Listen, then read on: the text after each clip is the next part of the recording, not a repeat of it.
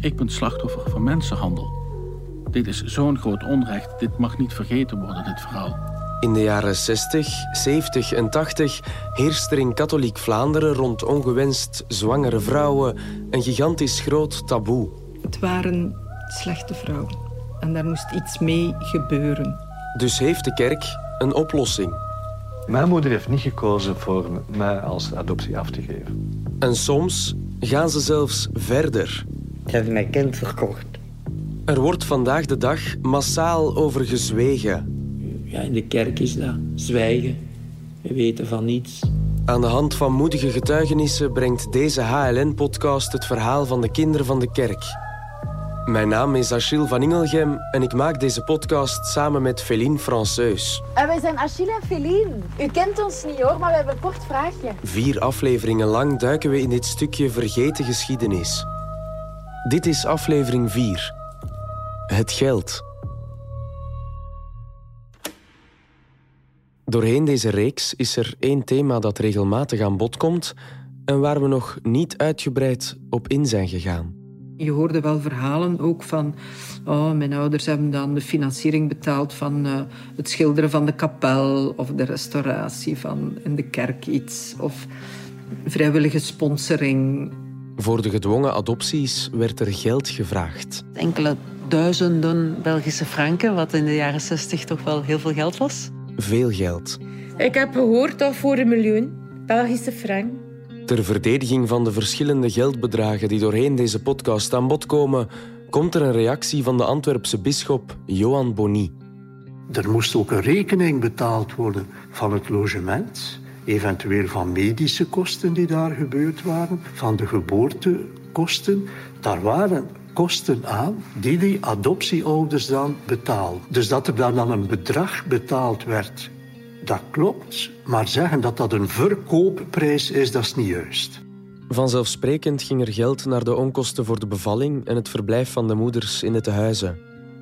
Maar als we de grootte van die bedragen bekijken, lijkt dat toch erg veel voor medische kosten, eten en onderdak. Om dat allemaal iets beter in perspectief te kunnen bekijken, bellen we met financieel analist en beursexpert Pascal Pape. Hallo. Hallo. Bel ik al te vroeg? Of, uh, We leggen hem een aantal geldbedragen uit getuigenissen voor en vragen ons af hoe we die nu juist moeten interpreteren. Omdat mijn vader heel minutieus alles heeft bijgehouden, weet ik dat mijn adoptie in der tijd rond de 25.000 Belgische frank heeft gekost in 62. 25.000 frank is 620 euro, maar u moet er eh, rekening mee houden dat iemand op dat moment een kleine 300 euro per maand verdiende, gemiddeld ongeveer. Dan is dat toch gigantisch uh, veel. Ik heb gehoord dat voor een miljoen Belgische frank. Mijn mama heeft mij dat zelfs nog verteld, op het laatste dat ze nog leefde. Ja, als je gaat kijken naar 1 miljoen frank in uh, begin jaren 70, uh, dan was dat ruim voldoende om een huis te kopen. Want uh, je moet rekening houden met een huizenprijs toen ongeveer van 18.000 euro. Dus bij 1 miljoen frank spreken we toch over 25.000 euro. Ja, dat was toen al gigantisch uiteraard, 25.000 euro. Als je dat zou zien in een bedrag van vandaag, dan spreken we over 168.000 euro. Dus dat is uh, fenomenaal veel, uiteraard. Inderdaad. En dat zijn dan de bedragen die nu genoemd worden. Zonder u uit te spreken over wel of niet, daar gaat het niet over. Vindt u dat een realistisch bedrag voor onkosten en ziekenhuiskosten? Wel, de bedragen uh, schommelen enorm natuurlijk, ja. maar er zijn enorm, het zijn allemaal enorme bedragen eigenlijk. En het bedrag van 1 miljoen frank begin jaren 70, dat steekt er toch wel met kop en schouders uh, bovenuit. Ik vermoed dat het gaat om iemand die vrij welstellend was en die men dan uh, serieus heeft laten betalen. Men zegt ook wel eens, een kind kost een huis, maar dan heeft men het over uh, de hele opvoeding en dan heeft men het over twintig jaar uh, bijvoorbeeld. Dus als je dan zulke bedragen, of zelfs veel meer dan een huis, moet uh, betalen gewoon op één bepaald moment, dan is dat een uh, fenomenaal bedrag en dat heeft niks meer te maken met onkosten. Dat is gewoon afzetterij. Wat opvalt is dat de bedragen die we horen fel uit elkaar liggen. Daar lijkt Peter door zijn verzameling aan archiefmateriaal een verklaring voor te hebben. Maar het beeld wat heel erg naar voren komt in de gesprekken die ik heb gehad... is hoe meer men als wensouders betaalde, hoe meer men te kiezen had. Krijgt men een pasgeboren kindje, kan men kiezen tussen een jongetje of een meisje. Niet alle ouders hadden deze keuze. En het lijkt erop dat dit ook te maken had met de financiële draagkracht van de wensouders. En dan gaat het hier enkel nog maar over de bedragen die destijds door de adoptieouders betaald werden. Heel vaak was er zelfs sprake van een drievoudig betalingssysteem, verklaart Rick de Villet. Dan zie je zo dat die zusters van Tamar, zusters van Liefde, zich drie keer rijk maakten op de kap van het slachtoffer. Om te beginnen lieten ze de ouders van het zwangere meisje of het zwangere meisje zelf betalen. Ze deden het slachtoffer betalen voor de onderhoudskosten, zogezegd, voor zijn verbleef daar. Bovendien moesten de meisjes tijdens hun verblijf in sommige tehuizen maanden gratis werk verrichten. Ze moesten onder andere de kleren wassen van de mannenkloosters, waarvoor de nonnen dan een vergoeding kregen. Daarnaast moesten de vaders, die in sommige gevallen ook nog eens priesters waren, ook nog eens betalen. Waaronder zwijggeld. Oppepast een manneke, je gaat dat meisje vergoeden. Enkele maanden en je waart er vanaf. Hè. En uiteindelijk dan ook de adoptieouders. Die moesten ook nog eens betalen. Maar dat was pas daarna als het kind geboren was. Dus en die, ja, die zusters die moeten wel uh, zich goed uh, rijk geboerd hebben op kap van, van die kinderen. Toch wordt er tot op de dag van vandaag volgehouden dat er niet betaald werd voor de kinderen. Ook door monseigneur Kozijns. Ik kan alleen maar zeggen, de, meer weet ik niet, dat zij de onkosten terugvroegen op verschillende instanties, inderdaad, zoals u zegt. Maar uh, het woordje uh, verkopen heeft daar helemaal niks mee te maken. Het gaat gewoon om de onkostenvergoeding, zoals dat nu ook gebeurt. Ja, want dat waren dan toch heel grote bedragen voor onkosten puur? Daar weet ik niks van. De meeste betalingen verliepen dan ook onder het mom van donaties. Dat weet ook Peter. Er wordt gezegd, het is geen kinderhandel, want er is nooit betaald. Maar voor ieder kind moest er gedoneerd worden. En zonder donatie kreeg je geen kind. En of je het donatie noemt en aan moeder overste geeft, want het geld, hè, ik weet dat voor mij gedoneerd is, dat is naar moeder overste gegaan. Hè. Of dat je zegt, ik betaal voor het kind. Voor mij is dat gelijk. Er is betaald. In klooster ging dat ook vaak zo. Het is niet dat een of andere non daar wat zakgeld mee verdiende. Maar dat ging allemaal naar boven, naar de overste. En ja, dat was de, de mater familias. De moeder overste, de, de nonnen van het klooster, die zijn rijk geworden. En alle handlangers. De nonnen regelden alles, hadden vaste partners in crime eigenlijk. De gynaecoloog, de advocaat, bestuursleden, de politie die meisjes terugbracht. Het was een heel netwerk. Daar kon je niet tegenop. En ik ben er ook van overtuigd dat mijn adoptieouders dachten dat ze het goed deden. Dachten dat ze een tehuis hielpen wat problemen had, wat weinig geld had, wat moeilijk kon rondkomen. Ze hadden geen geldzorgen. Die wisten niet dat de nonnen een, een, een kasteeltje hadden in de Ardennen. Want door steeds dieper te graven in deze materie botsen we op een kasteel dat aangekocht is in de jaren 60 door de congregatiezusters van Kindsheid Jezu. Kasteel van Champlon. Dat bevestigt ook Marleen Adriaans van de VZW Mater Matuta. Een VZW die de belangen behartigt van geboortemoeders en geadopteerden. Daar gingen ze van hieruit uh, in het weekend, gingen de zusters uh, daar een weekendje verblijven of een dag uitstap maken. Uit andere bronnen vernemen we dan weer dat de congregaties destijds in financiële moeilijkheden zaten. En dat bevestigt ook Monseigneur Kozijns. U weet dat ook wel, dat dat een vrij initiatief was, uh, dat zij moesten rondkomen. Zijn zusters hebben mij gezegd dat, wij, dat zij van hun eigen inkomen moesten teruggeven aan de VZW om, om overeind te blijven. En toch zijn er verschillende stemmen die beweren dat er geld ging naar een kasteel in de Ardennen. Uit welke bron heb jij dat van, van het kasteel in Ardennen? Want het is niet de eerste keer dat ik het hoor. Maar... Ik heb de bron voor je. Ik, ik, heb namelijk een kaart. Wacht even. ja, doe maar op je gemak. Peter vist enkele postkaarten uit zijn rugzak. Hieronder staat ook waar het is. Ja, ik ben heel slecht in Frans. In Champlon-Ardenne, maison lettrée des Sœurs de l'Enfance de Jésus. Het gaat om een kasteel in Champlon in Tainville, in de provincie Luxemburg, dat in 1967 aangekocht werd door de zusters. Hier ging ze dan regelmatig vakantie vieren. Op de voorkant van de kaartjes staat een kasteel met drie torentjes dat in een prachtig domein gelegen is in het groen. Het is geen gewoon buitenverblijf, hè? Allee, ik bedoel... Nee, het is geen houten skeletje. de haag is, nee, de haag is mooi onderhouden en de, de klinkers zijn allemaal perfect aangelegd. En... Ja. Alle adoptieouders gingen dan allemaal donaties betalen omdat ze toch zo slecht hadden. Op de achterkant van de postkaarten staan enkele handgeschreven boodschappen van de zusters zelf. Hartelijke groeten uit Champlon. Zuster Paula, beste nicht. Hier een klooster waar we voor elf dagen blijven. Het is hier goed en zuster Anna kan hier nog eens goed rusten. De beste groeten aan al uw kinders en tot deze zomer als God belieft. Groeten zuster Johanna, Maria. Een hartelijke groet uit Champlon, zuster Anna. Sluitend bewijs dat het kasteel van Champlon is aangekocht met het geld van de gedwongen adopties, is er niet. Maar het is op zijn minst opvallend te noemen dat de zusters een kasteel met enkele hectare grond aankopen, terwijl het financieel helemaal niet goed ging met de congregaties. En Marleen Adriaans gaat zelfs nog een stap verder. Bij zuster Mariaan, daar lag het geld gewoon op het bureau. Hè. Dus die verdienen eraan, terwijl iedereen, elke zuster die verklaart dat zij geen winst hebben gemaakt aan de kinderen. Maar wat deden ze?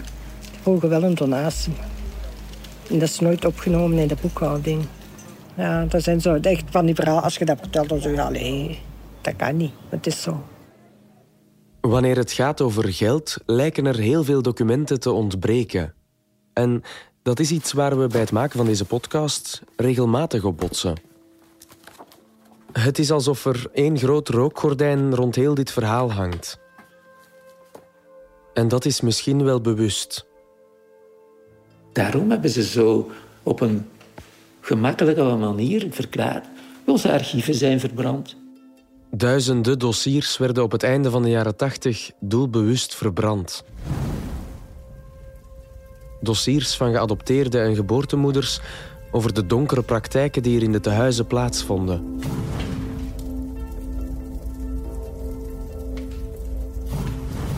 Documenten vol cruciale informatie die de geschiedenis van al deze mensen een stem kon geven.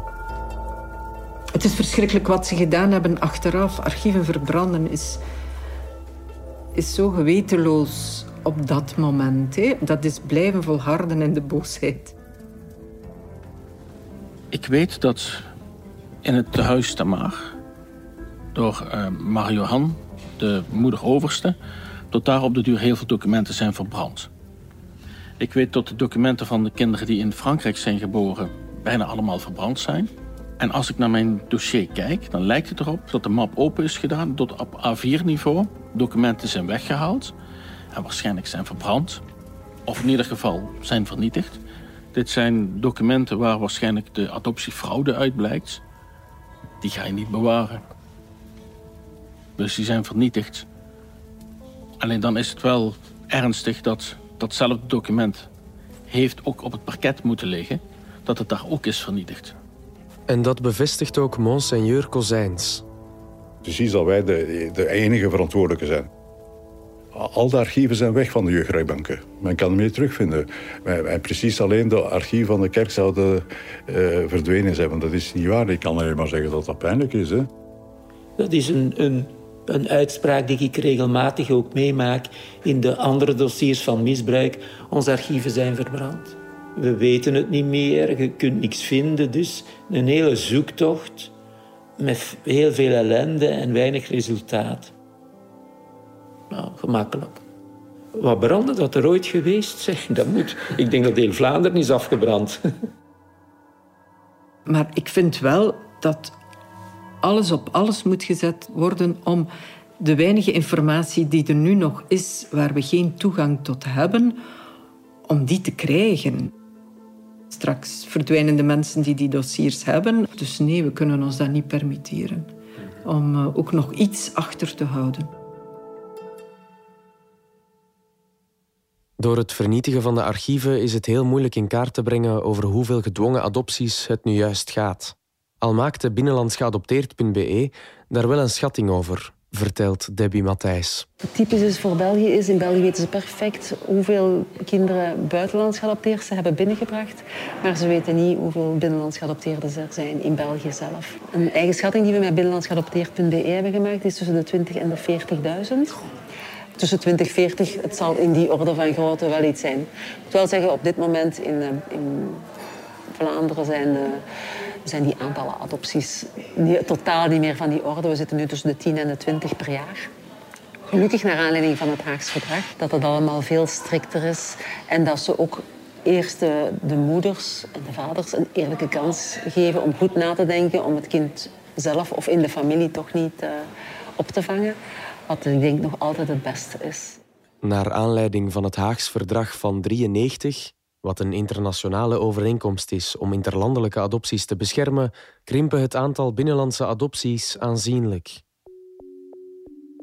Al duurt het dan nog meer dan 22 jaar vooraleer de wantoestanden uitgebreid in de media komen. Het gaat om wanpraktijken van meer dan 30 jaar geleden in het tehuis Tamar in Lommel. In 2014 kwam het al aan bod in het VTM Nieuws. De zusters hadden een handeltje opgezet met de kinderen. Adoptieouders betaalden grof geld. Zij vroegen geld, maar dan wel onder het mom van... Uh, kunt je een donatie geven aan de congregatie? En de meesten gaven dan een grote donatie aan de congregatie. Wat is een grote donatie? Getallen van 60.000 tot 3 miljoen Belgische franken. De vrouwen zijn nog altijd getraumatiseerd en op zoek naar hun kind. Maar de dossiers zijn verbrand. Naar aanleiding van de verhalen die in 2014 naar boven komen, stelt toenmalig minister van Welzijn, Jo van Deurzen, om de problematiek van de gedwongen adopties te onderzoeken. Daarnaast komen er ook hoorzittingen over de geadopteerden in de commissie Welzijn van het Vlaams Parlement. In de commissie werd een beeld geschetst van de verpletterende verantwoordelijkheid van de kerk. Er werd dus met veel verwachting uitgekeken naar de verklaring van monseigneur Herman Kozijns, de secretaris-generaal van de Belgische bisschoppen. Zijn uitleg sloeg de parlementsleden met verstomming. Men kan niet zeggen dat deze instelling op de zusters aanstaande moeder dwongen tot adoptie. Wat ik dikwijls lees in kranten. Zij waren een schakel in een ketting die deze keuze maakte. De vertegenwoordiger van de kerk legt de verantwoordelijkheid niet alleen bij de ongewenst zwangere meisjes zelf, maar ook bij hun ouders. Tegenover alle andere betrokken partijen waren de ouders natuurlijk veel sterker en was de aanstaande moeder de afhankelijke partij. Dat adoptie soms tegen het natuurlijk verlangen van de aanstaande moeder inhing en dus als gedwongen ervaren werd, of nog wordt, is begrijpelijk en maar ook tragisch. Uitspraken van Kozijns lokten een storm van verontwaardiging uit bij de volksvertegenwoordigers in de commissie. Politici van SPA, CD&V, N-VA, Open VLD en Groen toonden zich diep geschokt door wat de vertegenwoordiger van de bisschoppen zei. Weet u wat na decennia zoeken die mensen rust brengt? Eindelijk een kind terug te vinden. En weet u wat nog kan verder helpen bij die rust? Dat u namens de kerk toegeeft dat die adopties gedwongen zijn gebeurd. En toch zit ik hier nog altijd te trillen op mijn stoel van verontwaardiging. Mijn maag is letterlijk omgedraaid omdat ik dacht dat dit een kans ging zijn voor alle betrokkenen, ook voor de kerk, om een stap vooruit te zetten. En wat wij hier gehoord hebben, zijn twee stappen achteruit. In hoeverre staat u nog steeds achter die woorden, van dat het niet altijd gedwongen was? Wel, ik wil me eerst verontschuldigen bij degene die ik zou gekwetst hebben of die mij anders begrepen hebben. Wat ik bedoelde is, ik sprak daar in naam van de bisschoppen. En de bisschoppen hebben nooit opgeroepen tot adoptie. Nooit. Dat die soms gedwongen werden en dat die op sommige plaatsen slecht behandeld zijn, daar erkennen we en daarvoor hebben we onze excuses aangeboden. Zeggen dat alle meisjes gedwongen worden door de kerk, dat was mijn, mijn punt. En niet alleen de kerk heeft gedwongen, maar ook de anderen hebben gedwongen. Dat heb ik willen zeggen. En dat is anders overgekomen en, of heb ik me slecht uitgedrukt. Daarvoor bied ik mijn excuses aan. Maar ik heb niet willen zeggen dat er geen gedwongen adopties zijn. Dat heb ik nooit gezegd. Maar wij zijn niet de enigen die er al mee geholpen hebben. Maar niet alleen katholieken, hè, want er zijn ook naast de katholieken ook anderen, zoals mevrouw Wante, heeft ook gefaciliteerd, om het zo te zeggen. En dat klopt. Therese Wante, de speelfiguur van de gedwongen adopties in Villa Bambino, was inderdaad geen zuster. Maar zeggen dat er daardoor geen invloed was van de kerk is niet helemaal juist. Bij Therese Wante moest er altijd een verslag van de pastoor bij zijn. Dat weet ook Benoit, die jarenlang zoektochten begeleidde en zelf ook geadopteerd werd vanuit Villa Bambino van Therese Wante. En het ging via de kerk. Hey, mijn ouders zijn speciaal moeten gaan biechten en met de pastoor van, van de kathedraal. De meeste mensen waren katholiek, één en één, de een nog wat meer dan de ander. Dus die waren niet overdreven katholiek. Maar ja, die moesten bewijzen dat ze wel naar de kerk gingen. Hè? De invloed van de kerk was nooit ver te zoeken. Maar als alles in 2014 aan het licht komt, pleit de kerk eerst voor een onderzoek vooraleer ze een blijk van erkenning geven. De kerk wil nog geen excuses aanbieden. Eerst wachten ze het onderzoek af. De Belgische kerk hevelt kort nadien alle dossiers over aan kind en gezin. Al is dat niet veel meer, gezien het meeste verbrand werd. Monseigneur Kozijns ging ook langs bij alle instanties die iets met de gedwongen adopties te maken hadden, waarna hij de fouten die gemaakt zijn door de kerk erkent en daarvoor dan toch zijn excuses aanbiedt. Maar een onafhankelijk onderzoek vanuit het Vlaams parlement, dat alles transparant in kaart brengt en waar iedereen eigenlijk al jaren op zit te wachten, is er tot op vandaag nooit gekomen. Ja, het Vlaams parlement had een voorstel gedaan van een onafhankelijk onderzoek. Wij hebben als kerk dat direct dadelijk gesteund. Maar het is spijtig genoeg niet gekomen. Voorlopig moeten de slachtoffers het enkel doen met excuses.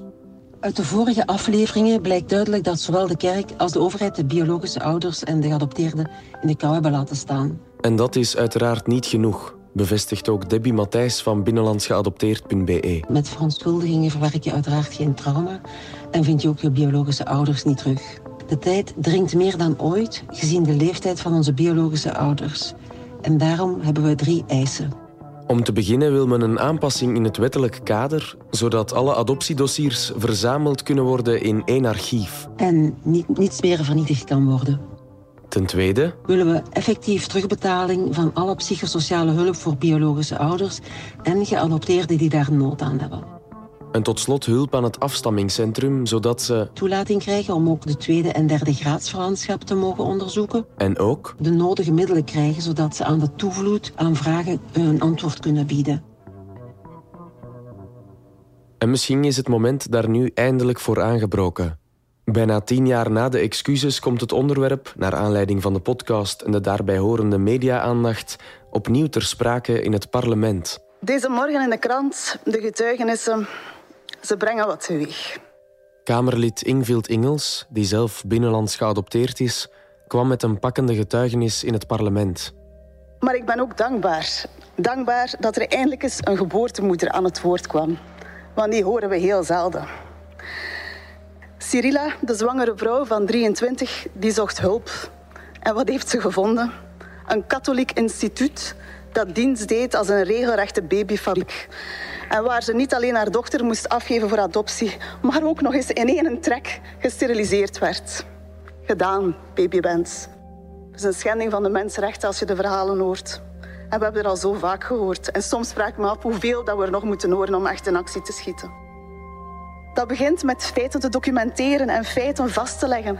En te gaan kijken wat we nog hebben van archieven en getuigenissen op te tekenen. En de tijd dringt. We worden er allemaal niet jonger op. Ik weet niet hoe oud mijn biologische moeder was. Maar ik ben er ondertussen dik in de 40. Dus veel tijd heb ik niet meer. Dus ik vraag u maar één ding, meneer de minister. Wanneer mogen wij een antwoord verwachten? Dank u wel. Ook minister van Justitie Paul van Tichelt zet het thema van de gedwongen adopties op de politieke agenda. De meeste van die feiten uh, die, uh, zullen wellicht verjaard zijn. Maar dat neemt niet weg ja, dat er inderdaad klaarheid moet komen. Dat die vraag van de slachtoffers tot klaarheid, dat die uiteraard gerechtvaardigd is. Ik doe vandaag als minister van Justitie geen uitspraak over concrete onderzoeken van gerechtelijke instanties. Wat mij betreft kan dat onderzocht worden, maar ik zeg nu al, bijvoorbeeld mensenhandel, hè, want hetgeen wat daar gebeurd is zou onder de strafrechtelijke kwalificatie van mensenhandel kunnen uh, vallen. Mensenhandel is pas strafbaar gesteld in 1995. Uh, en, en ik mag op dat vlak uiteraard geen valse verwachtingen creëren naar slachtoffers. Die slachtoffers hebben recht op erkenning van de kerk en die hebben recht op de waarheid. Wat is daar precies gebeurd? Dat moet er ook komen en het is in eerste instantie instantie de kerk zelf dat opnieuw haar verantwoordelijkheid daarin moet nemen. En wij zullen daarin ondersteunen waar het kan en waar het moet. Als ik artikels lees, getuigenissen hoor van geboorteouders, dan hebben zij altijd één centrale vraag. Hoe zou het zijn met mijn kind? Waar is het beland? Ik kan het daar zelf niet zeggen. Maar ik zou graag eens gezegd hebben dat het goed met mij gaat. Je zou nu niet zeggen, maar toch is het zo dat mijn adoptieouders fantastisch zijn. En ik hoop dat ik het daar ooit zelf kan zeggen.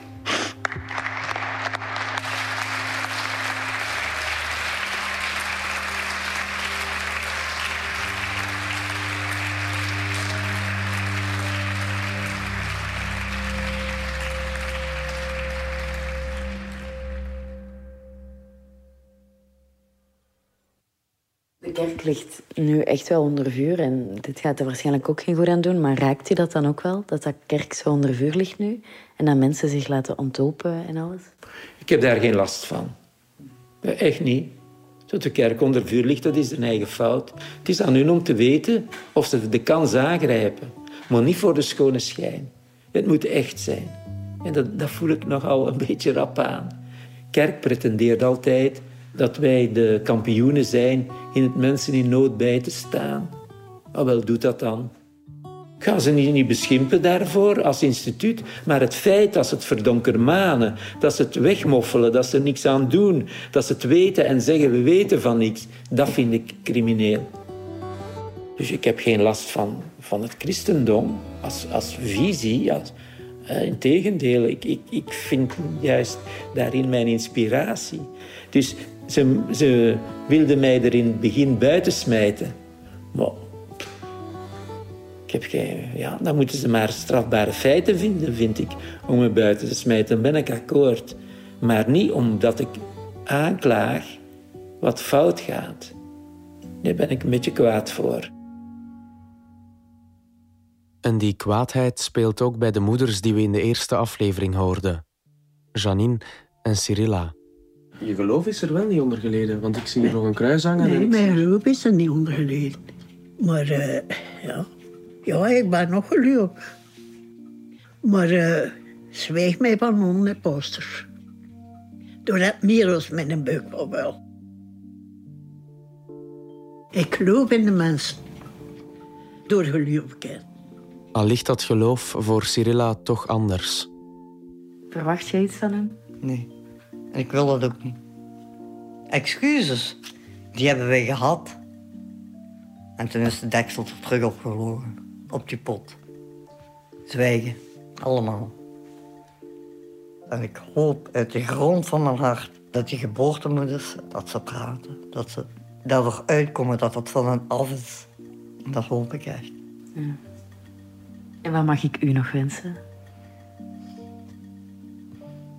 Dat ik mijn kind ooit nog eens zie. Al mijn dochter. En ik dus eindelijk echt in mijn armen kan sluiten.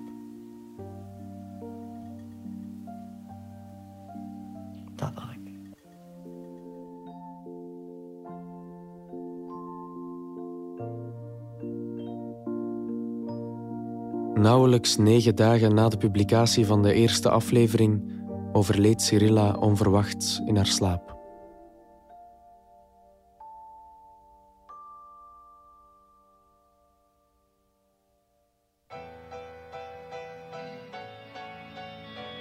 Dit was de vierde en laatste aflevering van Kinderen van de Kerk. Een podcast van HLN, gemaakt door de Podcast Planet. Met dank aan alle moedige getuigen die doorheen deze reeks aan bod kwamen. Interviews en montage gebeurden door Féline Franceus en mezelf, Achille van Ingelgem. Ik nam ook de voice-over voor mijn rekening. De redactie en research was de verdienste van Chloe van Orde en de onderzoekscel van DPG Media Jonas Muilaert. De eindredactie gebeurde door Geert de Walen en Sarah Verhoeven en de mixage van de reeks gebeurde door Michel Daams. Heb je na het beluisteren van deze podcast nood aan een gesprek? Dan kan je altijd terecht op het gratis nummer 1813.